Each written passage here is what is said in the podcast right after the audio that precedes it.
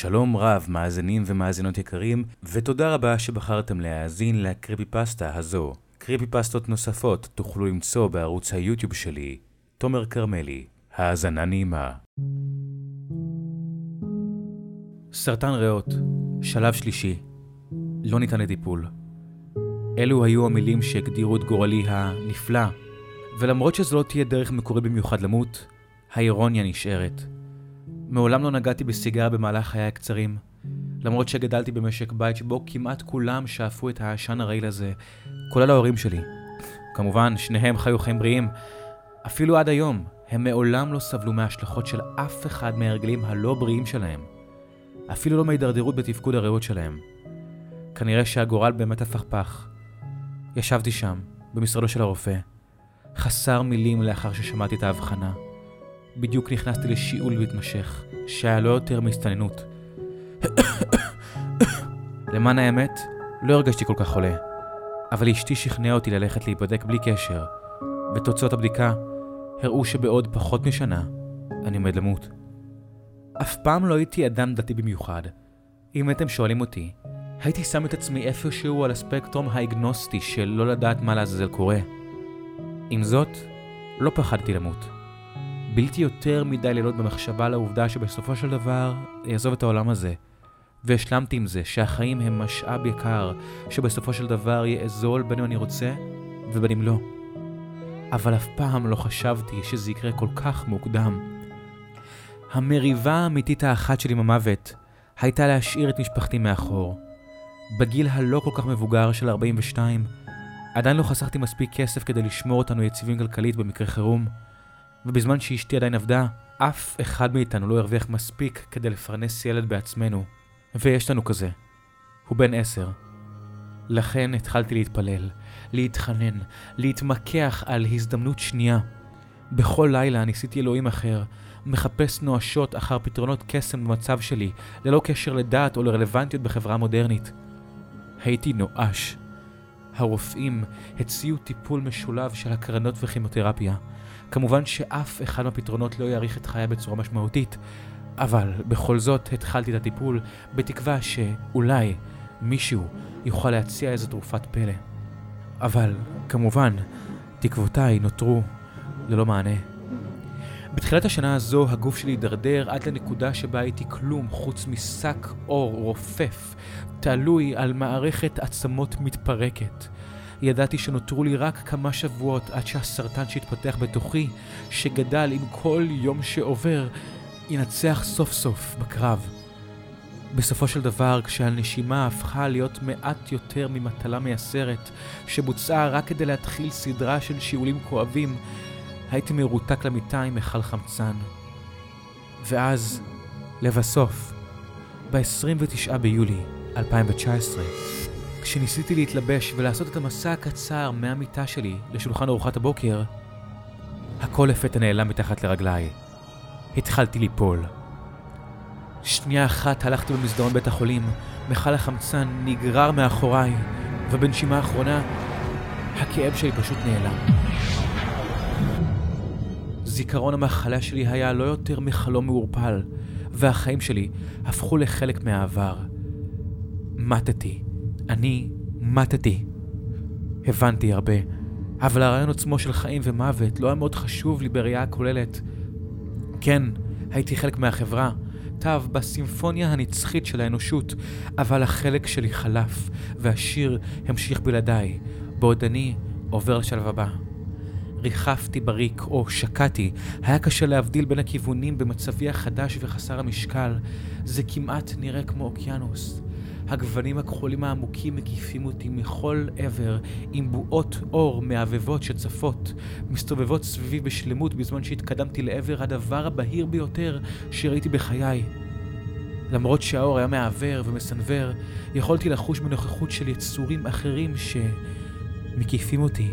הסתובבתי להביט בהם, מאמץ את עיניי כדי לזהות אותם.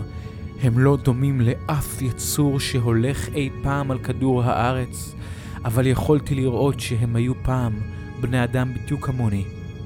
הם היו מאושרים, חייכו בלי פרצופים, צחקו ללא קול. נופפתי להם, והם קיבלו את פניי בלא יותר מאשר חום הנפש שלהם.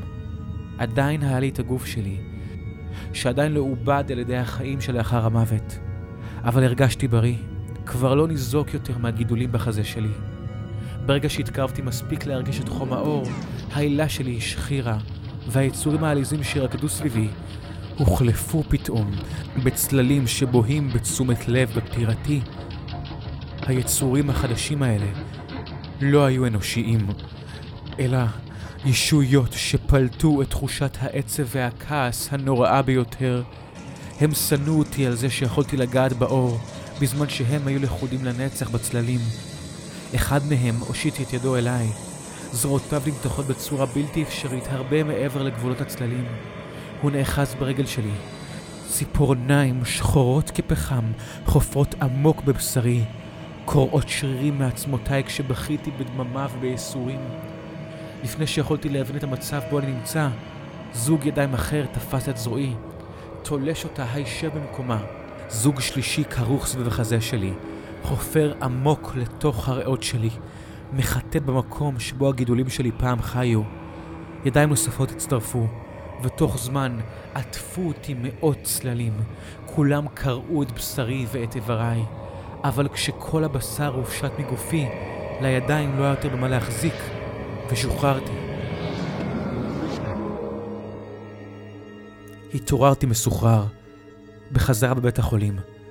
מתנשף בפתטיות כשהסרטן שוב השתלט על רוב רקמות הריאה שלי. משפחתי עמדה בקרבת מקום, והתאבלה על מותי. וואו, באמת מתתי. הייתי מת, אבל רק לכמה רגעים. דממה מילאה במהירות את החדר כשהם הבחינו שאני עדיין בחיים. רופאים עם הבעות פנים המומות, מבטים מזועזעים מהבן שלי. הם הופתעו, מבולבלים מכיוון שלא ניסה ניסיון להחיות אותי.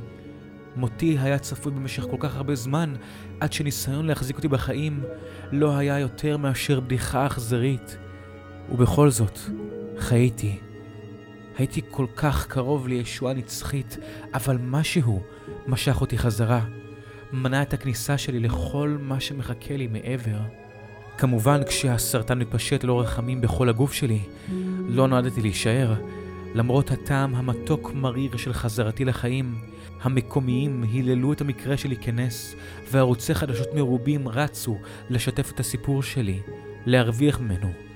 סירבתי מיד, לא רציתי לספר לאף אחד על מה שראיתי בצד השני, וכאב לי מדי בכדי לקבל את זה כנס.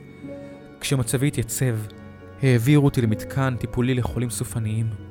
המוות עדיין חיכה לי מעבר לפינה, אבל הם אמרו שאולי יהיו לי עוד כמה שבועות לבלות עם המשפחה שלי, לא יותר.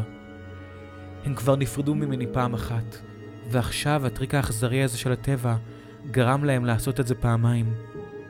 אשתי לא הוכיחה אפילו פעם אחת בימים הבאים. היא לבשה הבעה עייפה על פניה. עיניה היו שקועות, אבל לא יכולתי להאשים אותה. לטפל בגבר גוסס זו משימה לא פשוטה, ועוד יותר קשה עבור מישהו שצריך לעשות את זה פעמיים. הבן שלי, לעומת זאת, לא הפסיק לבכות. הוא היה צעיר מכדי להבין, אבל הוא ידע שלא אשאר פה עוד הרבה זמן. שבועיים באו והלכו כהרף עין. ביליתי כל יום באומללות, מפחד ממה שמחכה לי בצד השני.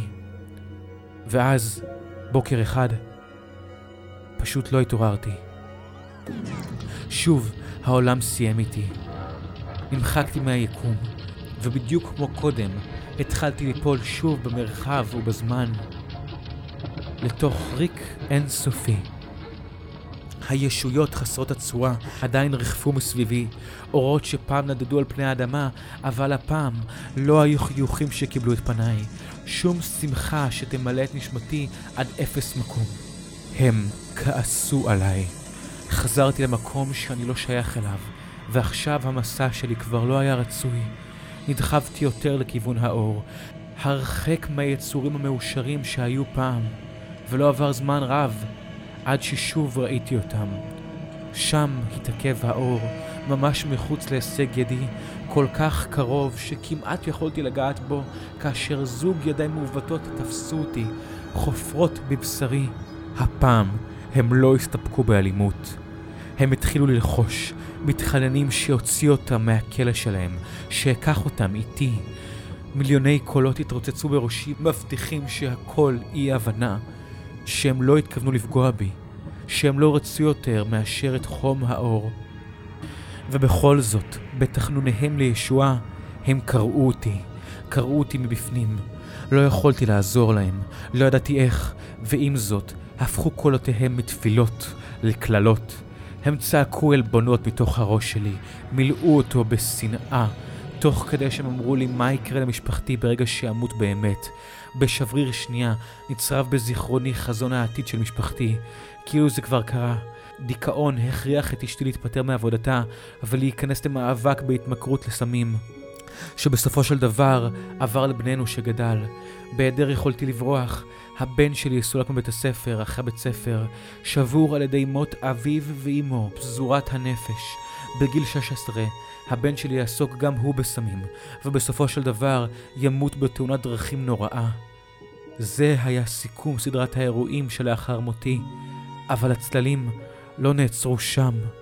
הם הבטיחו מוצא, שהם יוכלו להציל אותי ואת משפחתי, אם רק אקח אותם לעבר האור. אבל לעולם לא אוכל להגיע אל האור. עד כמה שהשתוקקתי פשוט להמשיך הלאה, אף פעם לא הצלחתי להגיע לשם. תמיד נקרעתי לחתיכות הרבה לפני שנגעתי בו. כל ביקור קצר שלאחר המוות המובטח לא הותיר אותי יותר מפיסה שוממת של מחשבה, לבד בעולם שאינו שייך לי. לא משנה מה הם עשו, שום דבר לא קרה, ושוב נגררתי הרחק מהאור. חזרה לחיים מייסרים. מאז האבחון שלי, מתתי וחזרתי לחיים בסך הכל 16 פעמים. בכל פעם אני נקרע יותר ויותר על ידי אותם צללים.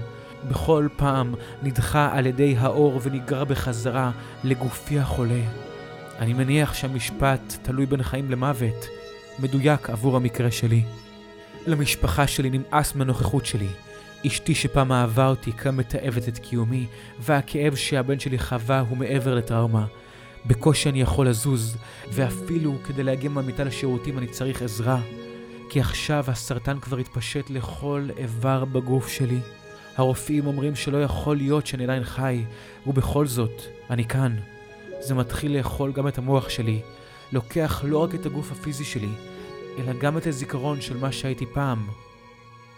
התפללתי, התחננתי והתמקחתי על עוד זמן עם משפחתי, ואני מניח שמשהו הגשים את משאלתי.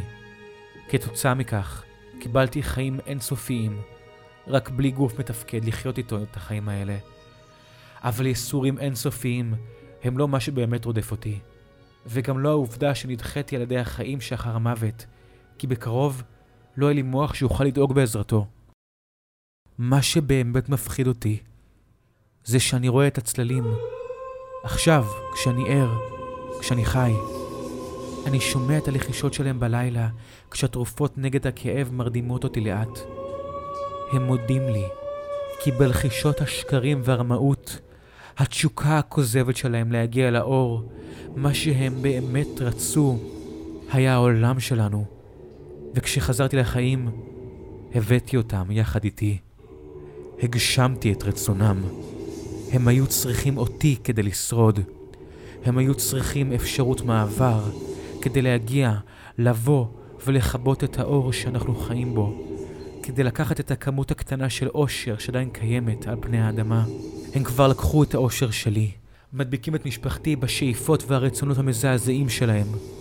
בתמימותי חשבתי שאשתי פשוט סבלה יותר מפעם בגלל המחלה שלי, אבל זה הצל שנכנס בתוכה שהפך אותה ליצור השונא שהיא עכשיו. היא הפכה מבת זוג אוהבת, שדאגה לי בימים האפלים ביותר, לאישה מרירה ונבזית שמטיחה בי עלבונות כל פעם שאני חוזר לחיים. היא שנאה אותי, והיא שנאה את הבן שלי על היותו חלק ממני.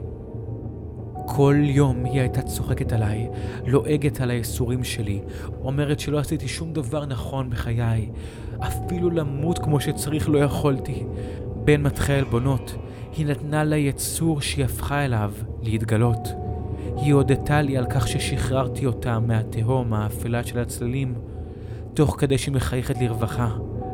מה שדיבר לא היה אשתי, אלא היצור שהשתלט עליה. כמובן שגם הבן שלי נדבק. הוא התחיל להידרדר כמו אשתי מהר מאוד. הוא הפסיק לדבר, לאכול. הוא היה נרקב בחדרו, מוזנח על ידי אמו החולה. רק בסוף, כשהוא נהיה חלש כמוני, הוא דיבר. אמר לי שזאת תהיה רק ההתחלה. בקרוב, שאר הצללים יעברו גם הם. עוד צל שיתווסף על כל טיול שאני לוקח אל העולם הבא. אני תקוע בגוף השבור שלי, רואה את כל מה שאני אוהב מתפוגג מול עיניי. אז אני כותב את זה בניסיון להזהיר את כולם. כל אחד ואחד מכם שמאזין לזה, להזהיר אתכם ממה שקיים לעבר גבולות החיים. אני צריך שהמעשה האחרון שלי יהיה שימושי לפני שהמוח שלי ייעלם מן העולם עם שאר הגוף החולה שלי.